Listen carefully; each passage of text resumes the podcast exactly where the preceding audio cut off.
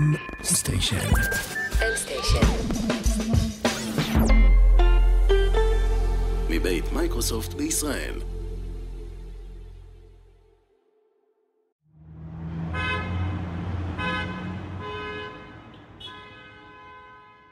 שלום, אני יאיר גיל, ואתם מאזינים לפרק נוסף של חולץ פקקים. הסדרה עוסקת במשבר התחבורה בישראל, ובעיקר בפתרונות הטכנולוגיים והאחרים שאנחנו מקווים שיוציאו אותנו מהפקק. בפרקים קודמים דיברנו על המשבר ברמת המאקרו, המדינה וגם העולם כולו. גם הפתרונות שדיברנו עליהם עסקו בטכנולוגיות פורצות דרך ובשינויים גלובליים. בפרק הזה ננסה קצת לרדת לאדמה. נדבר על המציאות של כאן ועכשיו, ועל הפתרונות של היום, או לכל המאוחר, מחר בבוקר. ננסה להבין איך כל זה משפיע על עיר אחת בישראל, עיר שבמקרה גם אני גר בה. המרואיין שלי היום הוא מאיר מנדלוביץ'. מאיר הוא מנהל מוצר במייקרוסופט ועובד איתי בקבוצת Azure monitoring, אבל זו לא הסיבה שהזמנתי אותו להתראיין. הזמנתי אותו בגלל הפעילות הלא שגרתית שהוא עוסק בה בשעות הפנאי שלו, אם אפשר לקרוא לזה ככה. אני חבר מועצת עיר בכפר סבא, מטעם סיעת מרץ. אנחנו סיעה גדולה במועצה, ואחראים על uh, כל נושא התחבורה, בנוסף לעוד אי אלו נושאים אחרים שאנחנו מתעסקים בהם. השאלה הראשונה שלי למאיר הייתה כמובן, איך הגעת להיות חבר מועצה? אז אני PM uh, במייקרוסופט מזה כבר uh, 13 וחצי שנים. אין לי שום קשר לעולם, לא תשתיות ולא דברים כאלה, אני פשוט הגעתי מעולם התוכנה. והיה כמה אפיזודות uh, לאורך הזמן שפתאום אתה רואה, אנחנו נמצאים פה בהייטק, אבל העולם שמסביבנו מתנהל על ידי חוקים אחרים ו- ולא מתנהל לפעמים, וזה נורא מרגיז. מצאתי את עצמי בכמה פעמים uh, נמשך לתוך uh, השפעה ברמה העירונית וגם קצת ברמה הארצית. אחד הדברים שגרמו לי להתחיל להתעסק בכל הנושא הזה של השפעה מקומית וסדרי עדיפויות, זה שהתחלתי לנסוע עם אופניים לעבודה. ונורא הרגיז אותי בתוך כפר סבא ליד הבית שלי, שלא היה שבילים ולא היה שום תשתית. התחברתי לקבוצה של אנשים, רוכבים כמוני, שניסו להשפיע ולגרום לזה שיהיו תשתיות. במועצת עיר היה דיון מאוד סוער, ומי שהיה אחראי תיק התחבורה צעק עלינו שאופניים זה סתם בזבוז. אנשים מפונקים עושים את זה בשבת, ובזכותו אני התחברתי. ומזה, וזה היה חלק מהדברים שהכניסו אותי לתוך התהליך. אז איך מסתדרת משרה מלאה במייקרוסופט עם תפקיד כחבר מועצה? התשובה הפשוטה היא שזה לא מסתדר. זה, זה מאתגר, זה דורש הרבה juggling. כמו שאמרתי, זה דורש הרבה עבודה ביחד עם הקבוצה. אחד הדברים שלומדים גם, ב... למדתי בהייטק, אבל הוא מאוד נכון בפוליטיקה, זה pick your fights, להיות מאוד מאוד מפוקס. ההשפעה היא משהו הרבה יותר רך והרבה יותר... ואתה צריך להחליט איפה אתה מפעיל את זה. גם לפעמים אתה עובד עם שוטים, לפעמים עם, עם גזרים, וחשוב להשתמש בהם, וחשוב מאוד להיות ממוקד, כי אפשר מאוד להתפזר ולהתעסק בכל נושא שהוא.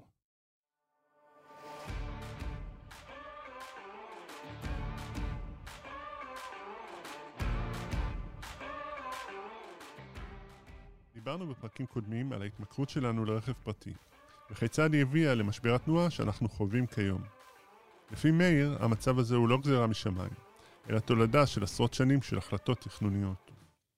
אני חושב שכפר סבא היא מקרה טיפוסי, הוא היה קיים בעוד הרבה ערים אחרות בארץ. היה תקופה שבה הערים היו די מכילות את עצמם, בנו את המפעלים ואת כל התכנון בתוך היישוב. כל הערים הוותיקות עברו פחות או יותר אותו תהליך, באיזה שלב אה, התחילה, ההתפקסות התחילה להיות לכיוון תל אביב. אנשים התחילו יותר ויותר לעבוד בתל אביב, וזה הגיע ביחד עם מכוניות. ואיפשהו, אני חושב, איפשהו בין אה, שנות ה-90 לימינו אלה, אה, מתחיל להתחבר לכולם ההכרה שזה...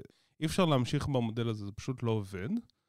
ככל שבונים יותר, המדינה גדלה, השטח של המדינה לא גדל, ואי אפשר יותר לכלכל כל כך הרבה אנשים וכל כך הרבה מכוניות. תחבורה זה, זה, זה קודם כל עניין של תכנון, של איך, איך אני בונה את העיר שלי, איך אני חושב עליה. אם אני מייצר סביבה שהיא בנויה לרכב פרטי, אז לדוגמה, כשאני הולך למכולת, אני הולך לכאן לסופר, שיש לו לידו חנייה גדולה, ואז אני צריך חנייה ליד הבית, אני צריך חנייה גדולה ליד הסופר, ואני צריך גם הרבה כבישים באמצע בשביל שאני אוכל להגיע לסופר, אז בטח יש יותר מסופר אחד. זה היה העולם של שנות ה-80, 90, הרבה ערים בארץ ניסו להתכוונן למודל הזה, וזה פשוט לא עובד. זה לא עובד כי אין מקום לחניות ליד הבתים היום, זה אחת הבעיות הגדולות. אין מקום יותר לאן לבנות, להרחיב כבישים. אין, אין, פשוט אין. השטח של העירוני של רוב הערים הוא נתון. אז תכנון הוא שם המשחק. מה לעשות בשטח נתון ומשאבים נתונים. על מה לשים דגש ועל מה לוותר. בסוף תחבורה במרחב העירוני זה מה עושים מהקו בניין בצד אחד לקו בניין בצד שנמצא ממולו. זה משחק סכום אפס, יש שם מרחב של כמה עשרות מטרים שצריך להיות בו מדרכה. אתה רוצה שיהיה גינון, אתה צריך נתיבי נסיעה, אתה צריך חניות, ועכשיו נכנסים לנו נת"צים, כי אנחנו יודעים שחייבים אותם. אי אפשר באמת תחבורה ציבורית בסקלות גדולות בלי זה. ואנחנו רוצים גם שבילי אופניים, אנחנו מאמינים בתחבורה חלופית. עכשיו, כל השימושים האלה צריכים להיכנס, אגב, לא ספרתי עוד, אה, אתה רוצה לשים ספסלים, אתה רוצה לשים אה, דוכני פיס, או לא יודע מה שלא יהיה שם. אז כל הדברים האלה צריכים להיכנס באותו מרחב של בין בניין אחד לבניין ממולו. הבניינים הם נתונים, לא יכולים להשתנות. התכנון כמובן הוא לא רק ברמת הרחוב הבודד, אלא ברמת השכונה והעיר כולה. איפה יעבדו התושבים, איפה יקנו, וכתוצאה מזה, איך הם יגיעו לשם. יש לנו בכפר סבא שכונה שאני גר ממש לידה. אין בה מטר מסחר או בילוי בתוך uh, שכונה שלמה. כל דבר שאני צריך לקנות, החל משקית חלב, uh, נגמר החמאה בבית, אני צריך להיכנס לרכב ולנסוע. הדוגמה אחרת נוספת זה נושא של מקומות עבודה. אם אני מתכנן לי את כל מקומות העבודה במרכז תל אביב, זה אומר שכל התחבורה בבוקר נעה מההיקף של המטרופולין לתוך הגלין שלו, ובערב היא תעשה בדיוק את הדרך ההפוכה. וכמות היכולת שלי לבנות תשתיות תחבורה, אם זה כבישים, אם זה רכבות, אם זה זה, היא, היא מוגבלת. אז זה ברמה המטרופולינית, וגם ברמה יותר אה, קטנה. אם אנחנו... בעבר היה נהוג שיש אזורי תעשייה בעיר, ואז היה לנו אזורים שבהם היה משרדים או מפעלים, ואזורים שהיה בהם רק מגורים. זאת אומרת שמישהו צריך להגיע מפה לפה ומשם, מפה בחזרה. ו- וזה יצר שורה של תופעות uh, שליליות. Uh, לקח הרבה זמן עד שבארץ הבינו שהשיטה האירופאית היא השיטה הנכונה, ומביאים אותה של עירוב שימושים. זאת אומרת, יכול להיות לי מבנה שחלקו מגורים וחלקו יש בו משרדים, ולמטה יש לי מסחר, וזה בסדר גמור, זה עובד נפלא. לא צריך את ההפרדה הזאת. ואז uh, הבית קפה הזה בבוקר מוכר uh, סנדוויצ'ים למשרדים, ובערב הוא מוכר קפה למי שגר uh, למעלה.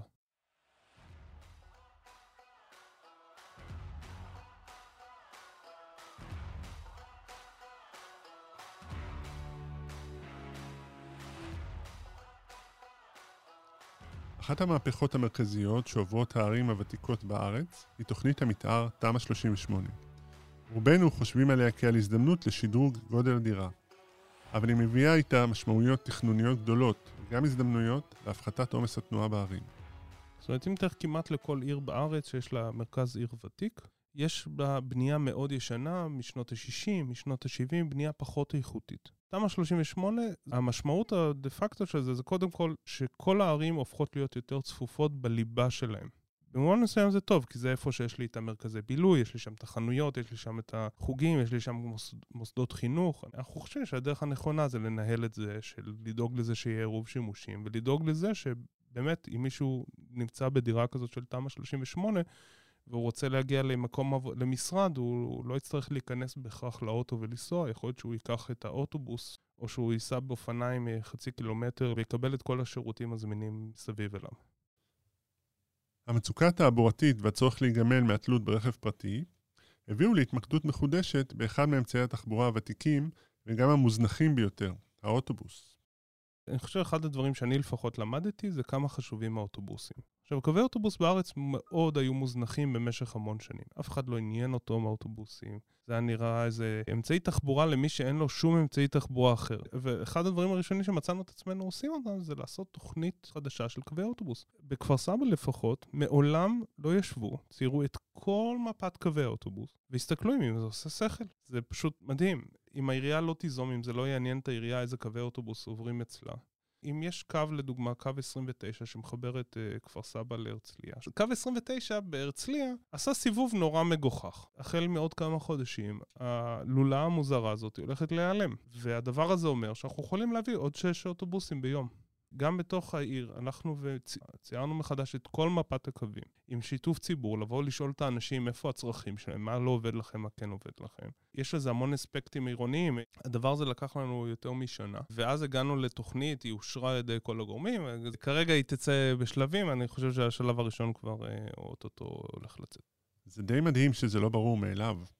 הרבה ערים לא טרחו מעולם להסתכל על קווי האוטובוס שלהם ולתכנן אותם מחדש. וכל הרעיון עכשיו הוא להגיע לקווים שנוסעים יותר, יותר מהר, ובתדירות ולכל אורך היום. כי זה לא עוזר לי אם, אם אני פתאום צריך לצאת בצהריים ואין לי איך להגיע. דוגמה מאוד טיפוסית היום, כי חלק מהאוטובוסים יורדים בצהריים לפעם בשעה, זה לא שירות שמישהו יכול להיעזר בו.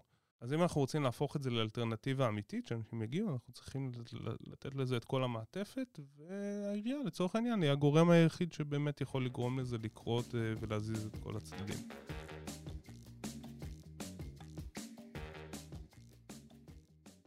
השינוי הגדול ביותר שצפוי בתחום התחבורה הציבורית בעיר, צפוי להגיע עם השלמת פרויקט מהיר לעיר. פרויקט שאפתני של משרד התחבורה במספר רב של ערים בגוש דן.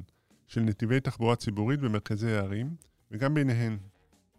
מהיר לעיר זה משהו גם, זה פרויקט ענק, הוא קורה בהרבה מקומות בגוש דן. הוא משחרר, הוא פעם ראשונה מסתכל על מרכז, מרכזי הערים ומאפשר לך לקבל עירוניות טובה בתוך מרכזי הערים. אז אמור להיות נת"צ, חלקו ימני, חלקו שמאלי, שהולך למעשה מהכניסה לעיר מאזור רעננה, דרך כל מרכז העיר ועד אזור התעשייה, קניון G. הפרויקט מנסה לא להסתפק בהקצאת הנתיבים לתחבורה הציבורית, אלא להתמודד עם מכלול הגורמים שמשפיעים על נכונות הנוסעים, אנחנו, לחזור ולהסתמך על תחבורה ציבורית. עכשיו, זה לא סתם נת"צ, זה לא סתם אספלט. זה, יש לזה הרבה מעבר לזה. זה אומר שהאוטובוס עולה שם, יש לו גם יתרון על הרכבים, הוא גם נע מהר. תחנות אוטובוס שנמצאות זה תחנות מסוג אחר, יש להם עמדות הטענה ל-USB, מסכי מגע. אה, צל, צל זה חשוב. וגם הן נמצאות באותו מקום, אז אני יכול לעבור בקלות מאוטובוס לאוטובוס. היום המעבר ביניהם הוא בלתי אפשרי, ובשיטה הזאת המעבר הוא קל מאוד ונורא נוח, ואני חושב שהאימפקט של הדבר הזה, הוא ישנה את העיר בצורה מהותית לאורך שנים קדימה. הרבה ערים תוהות מה לעשות עם הרחוב הראשי, אני חושב שזה יהפוך את הרחוב הראשי למשהו שהוא מאוד בר חיים. בנוסף לשינוי בתוך הערים, מהיר לעיר אמור גם להביא שיפורים משמעותיים בזרימת התחבורה הציבורית הבין-עירונית. עוד משהו שקורה זה נת"צים ברמה הבין-עירונית. הולך להיות נת"צ לכל אורך נתיבי אלון. כל הדבר הזה, על הכביש הכי ראשי, הכי חשוב בארץ, הולך להיות נת"צ. זו מהפכה ענקית. לא רק זה, נבנה עכשיו נת"צ בכביש 5, נבנה נת"צ בכביש 4 באזור השרון, והחלק היפה זה שגם יש חיבור ביניהם. פעם לא היו עושים כאלה דברים בארץ, היו עושים אותם בכוונה בנפרד, אז עכשיו יש חיבור, ואפשר לראות באיילון, באזור מחלף גלילות, מתרומם לו גשר ענק. זה גשר ראשון שנבנה בארץ רק לאוטובוסים. הוא ייקח את האוטובוסים מכביש 5 ויוריד אותם לתוך נתיבי איילון. חיסכון של, בזמן נסיעה של אנשים אדיר.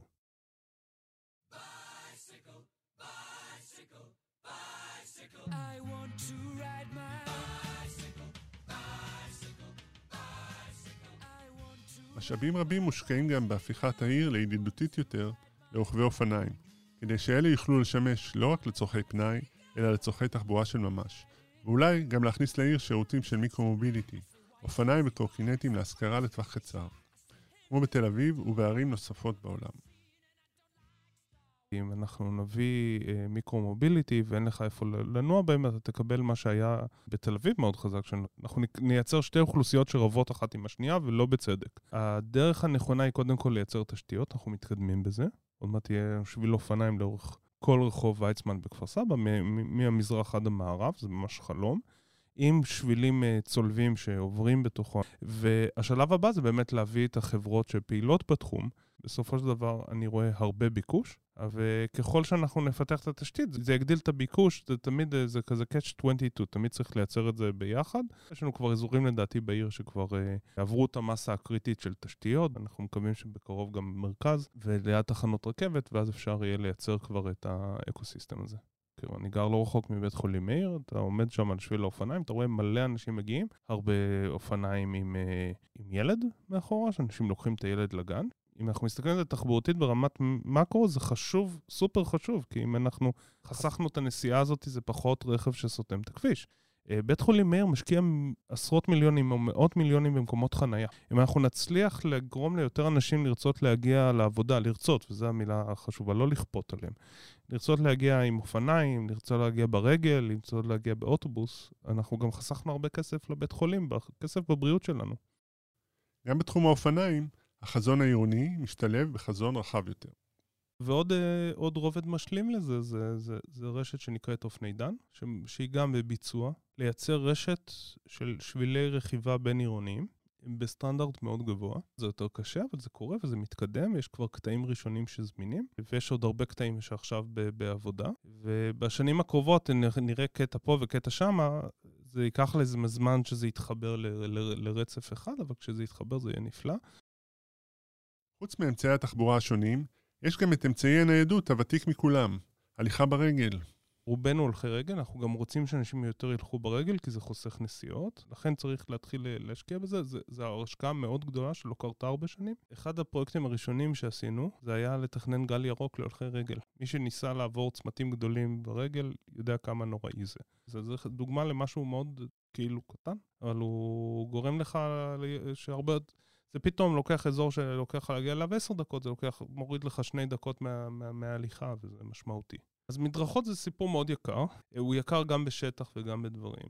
ברור שאנחנו עושים, אנחנו לדוגמה אה, נוטעים עצים, זה, זה, זה יוזמה שקורית בעיר אה, של ראש העיר. כחלק ממהיר לעיר אנחנו משדרגים לגמרי את כל המרחב הציבורי, הוא לא ייראה אותו דבר. אה, החל מספסלים, אז גם ריצוף, והמשך אגב בדברים שאנחנו פחות חושבים עליהם, שילוט. עיר ישראלית ממוצעת זה קקפוניה של שלטים, כאילו נורא קל.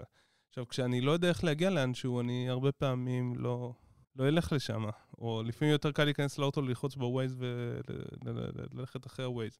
אה, כפר סבא ספציפית אה, אה, זכתה בפרס ישראל בשנות ה-70 על התכנון שלה ועל מה שנקרא הרשת הירוקה, שזו רשת של שבילים שמזינה ומתחברת עד היום, ו- ו- והאתגר זה באמת לתת תוכן לתוך השבילים האלה, שאנשים יהיה להם נעים שם.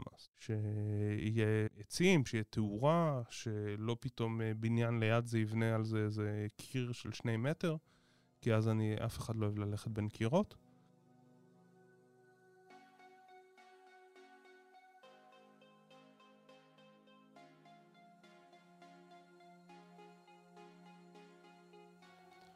עוד אחת מהמהפכות בתחום הרכב, שהעירייה משפיעה עליהן, היא המעבר לרכב חשמלי. רכב חשמלי זקוק לתשתית מתאימה, בעיקר עמדות טעינה. אנחנו נתנו לדוגמה בכפר סבא, אני חושב שאנחנו כמעט היחידים בארץ, אנחנו נותנים חניה חינם בכחול לבן למי שמגיע עם רכב היברידי או חשמלי. אה, עודדנו גם אה, את הרכבים של העירייה עצמה לעבור לרכבים חשמליים. החברה הכלכלית הלכה ויצאה לפרויקט שבו היא הוציאה לזיכיון את הפריסה של עמדות טעינה בעיר במרח... על חניות ציבוריות. לעירייה יש יתרון שיש לה מבנים עם חשמל, עם לוחות חשמל בתוכם, ואנחנו משלמים את החשבון. כפר סבא החליטה להיות עיר מאופסת אנרגיה, זאת אומרת שתייצר את כל החשמל מפאנלים סולאריים שהיא צורכת, אה, ואנחנו בערך בחצי הדרך, אנחנו היום מייצרים חצי מהחשמל שאנחנו צורכים. אז עכשיו אנחנו נרחיב את זה לא רק לצריכה של הבתי ספר אה, ושל המוסדות העירוניים, אלא גם לצריכה של עמדות טעינה. ויש כבר פרוסות לא מעט עמדות טעינה, ועוד פעם, אה, תפסנו חניות, זה לא נוח לאנשים, שבצדק אה, מתלוננים, מצד אחד. מצד שני, אנחנו מתחילים עכשיו לראות בעיר יותר ויותר רכבים חשמליים, בייחוד טסלה, ופתאום אני מתחיל לעבור ורואה את העמדות האלה נטענות, ואני מקווה שזה גורם ליותר ויותר אנשים באמת לעשות את זה. אנחנו בהחלט מנסים לייצר את האקוסיסטם. אז אני חושב שהתפקיד של העירייה פה זה באמת, אחד זה לנצל את המקומות שכן יש לה תשתיות עירוניות ש, שאף אחד אחר לא יכול לעשות אותן, וגם את המונופול שיש לנו על אה, חניות ברחוב. אם מכל מה ששמענו עד עכשיו נראה כאילו שהדברים קלים ופשוטים, זה ממש לא המצב. בפני העירייה עומדים אתגרים רבים, ואחד המרכזיים שבהם הוא התושבים עצמם, של מענם כל זה נעשה. זה משחק סכום אפס. רוצה שביל אופניים, אתה חייב לפעמים להוריד עצים. והתושבים היום הם מאוד מעורבים, לא, זה לא כמו פעם שהיית, שהעירייה הייתה עושה מה שהיא רוצה. אז יש לך תושבים שנורא רוצים עצים, יש לך תושבים שנורא רוצים שביל אופניים. יש לך תושבים שנורא רוצים עוד מקומות חנייה, ולכולם יש פייסבוק ווואטסאפ, וזה נורא קשה. צריך איכשהו לאזן בין כל הדברים האלה, ואי אפשר לעשות שום דבר שלא ירגיז אף אחד. זה בוודאות. אני רואה ראשי ערים אחרים, ש... או גם בכפר סבא בעבר, היה להם הכי נוח לא לעשות כלום. אז אני לא עושה שבילי אופניים, אני לא עושה נת"צ, אני לא עושה הרבה דברים. יש ערים שממש נק... עושים את זה כמעט בצורה אה, מוצהרת, ואז אה, אני לא מסתכסך עם אף תושב, אף תושב לא פותח לי אה, דברים.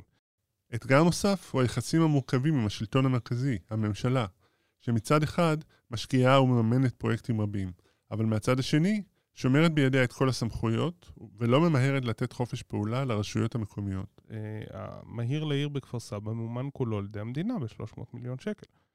אין, אין, אין לעיריית כפר סבא מאיפה להוציא עכשיו, והיא עירייה יחסית עשירה ו, ו, ועם תושבים מדרוג סוציו-אקונומי מאוד גבוה, עדיין 300 מיליון זה... כל התקציב פיתוח העירוני בערך הוא 200 מיליון בשנה, כולל הכל, הכל, הכל. אז, אז להוציא 300 מיליון זה קשה מאוד. בגלל שרוב הכספי מיסים שלנו נשארים על ידי הממשלה, אז הערים די מסתמכות על הממשלה לשנורר ממנה כסף לפרויקטים. אנחנו היום שבילי אופניים, יש איזה מודל של מאץ' עם משרד התחבורה. כמעט כל פרויקט שאתה, כל דבר שאתם רואים, יש איזושהי מעורבות ממשלתית אה, מרכזית בזה. וכמעט אף פעם זה לא קורה אך ורק במימון עירוני. אנשים פחות, אנשים לא מבינים כמה הניהול של הדברים הוא צנטרליסטי, כמה הוא קורה מירושלים. כל דבר, אפילו אם אנחנו רוצים לבנות שביל אופניים או חניה, או להזיז תחנת אוטובוס, או לשנות קו, או לתגבר משהו אחד, הכל, הכל, הכל צריך לעבור דרך משרד התחבורה, ובתהליך צנטרליסטי. התושבים באים ובצדק מבקשים תשובות מראש העיר שלהם. זה מי שהם רואים אותו, זה מי שהם בחרו בו. אני חושב שהיום אה, אה, המדינה, אם הדבר הכי חשוב שצריך לקרות זה לשחרר. לדוגמה, אה, אין שום סיבה שאת האוטובוסים, את מכרז האוטובוסים, אה, ינוהל מירושלים. אפילו אם זה מכרז מקומי, זה רק לאזור השרון, אפשר לקחת את כל הרשויות של אזור השרון ושיוציאו מכרז אוטובוסים, יודעות לעשות זה יופי. זה תהליך שקורה, אני חושב שהיום גם המדינה עצמה מבינה שהיא כבר לא יכולה להחזיק את הכל אה, ביד, וזה קורה יותר ויותר, זה לא קורה מספיק. בסופו של דבר, לגבי התמונה הרחבה, מאיר אופטימי. זהו, אז, אז, אז אני חושב שאנחנו בנקודה הזאת בשנת 2021, אה, אנחנו בנקודת פיתול של אנשים לאנשים שפחות מעורבים נורא קשה להבחין בה. כי קורים המון דברים עומדים לקרות. זה כבר בשטח וזה קורה. אז uh, הרכבת הקלה זה משהו שמקבל המון תשומת לב. פרויקט ענק שסוף סוף קורה וסוף סוף מגיע לשלבים המתקדמים שלו. מהיר לעיר, וזה שיהיה לנו רחוב מרכזי בעיר, שהוא גם מקום שאתה הולך לקנות בו, וגם מקום שאתה יכול להגיע אליו בקלות, שזה שינוי מאוד מאוד גדול, והוא לא היה קורה. הוא לא היה קורה בלי, אני חושב, בלי הקבוצה שלנו. אני חייב לתת את הקרדיט למי שמוביל אותנו, אה, סגן ראש העיר אה, אילאיל הרסגור הנדין, שאגב גם היה עובד מייקרוסופט בעברו, וגם לראש העיר אה, רפי סער, ואני חושב שה impact שה, של הדבר הזה, הוא ישנה את העיר בצורה מהותית לאורך שנים קדימה, אופנידן, שהיא גם בביצוע. זה, זה לא פרויקט קל. עכשיו, כל הפרויקטים האלה ביחד, הם ייצרו שינוי. ואתה יודע, מי שלא נכנע, מתחיל את המסע לא מסיים אותו אף פעם.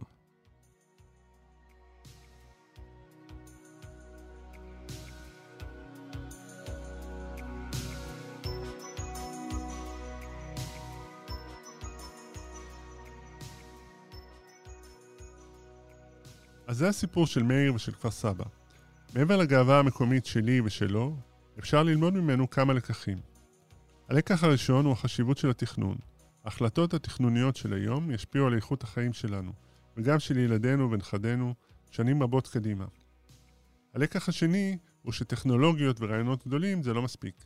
צריך תשתיות, וצריך לתת תשומת לב לכל הפרטים הקטנים, על הנייר ובשטח, כדי שהרעיון יהפוך למשהו מעשי, שאנשים ירצו להשתמש בו. ולקח נוסף, אולי הכי חשוב, מאיר הוא איש הייטק, שיום אחד החליט, במקום לקטר, להצטרף לעשייה ולהשפיע על העתיד שלו ושל ילדיו ושל כל הקהילה. עם קצת רצון, השקעה ותושייה, גם אתם, כולנו, יכולים. תודה שהאזנתם לחולץ פקקים.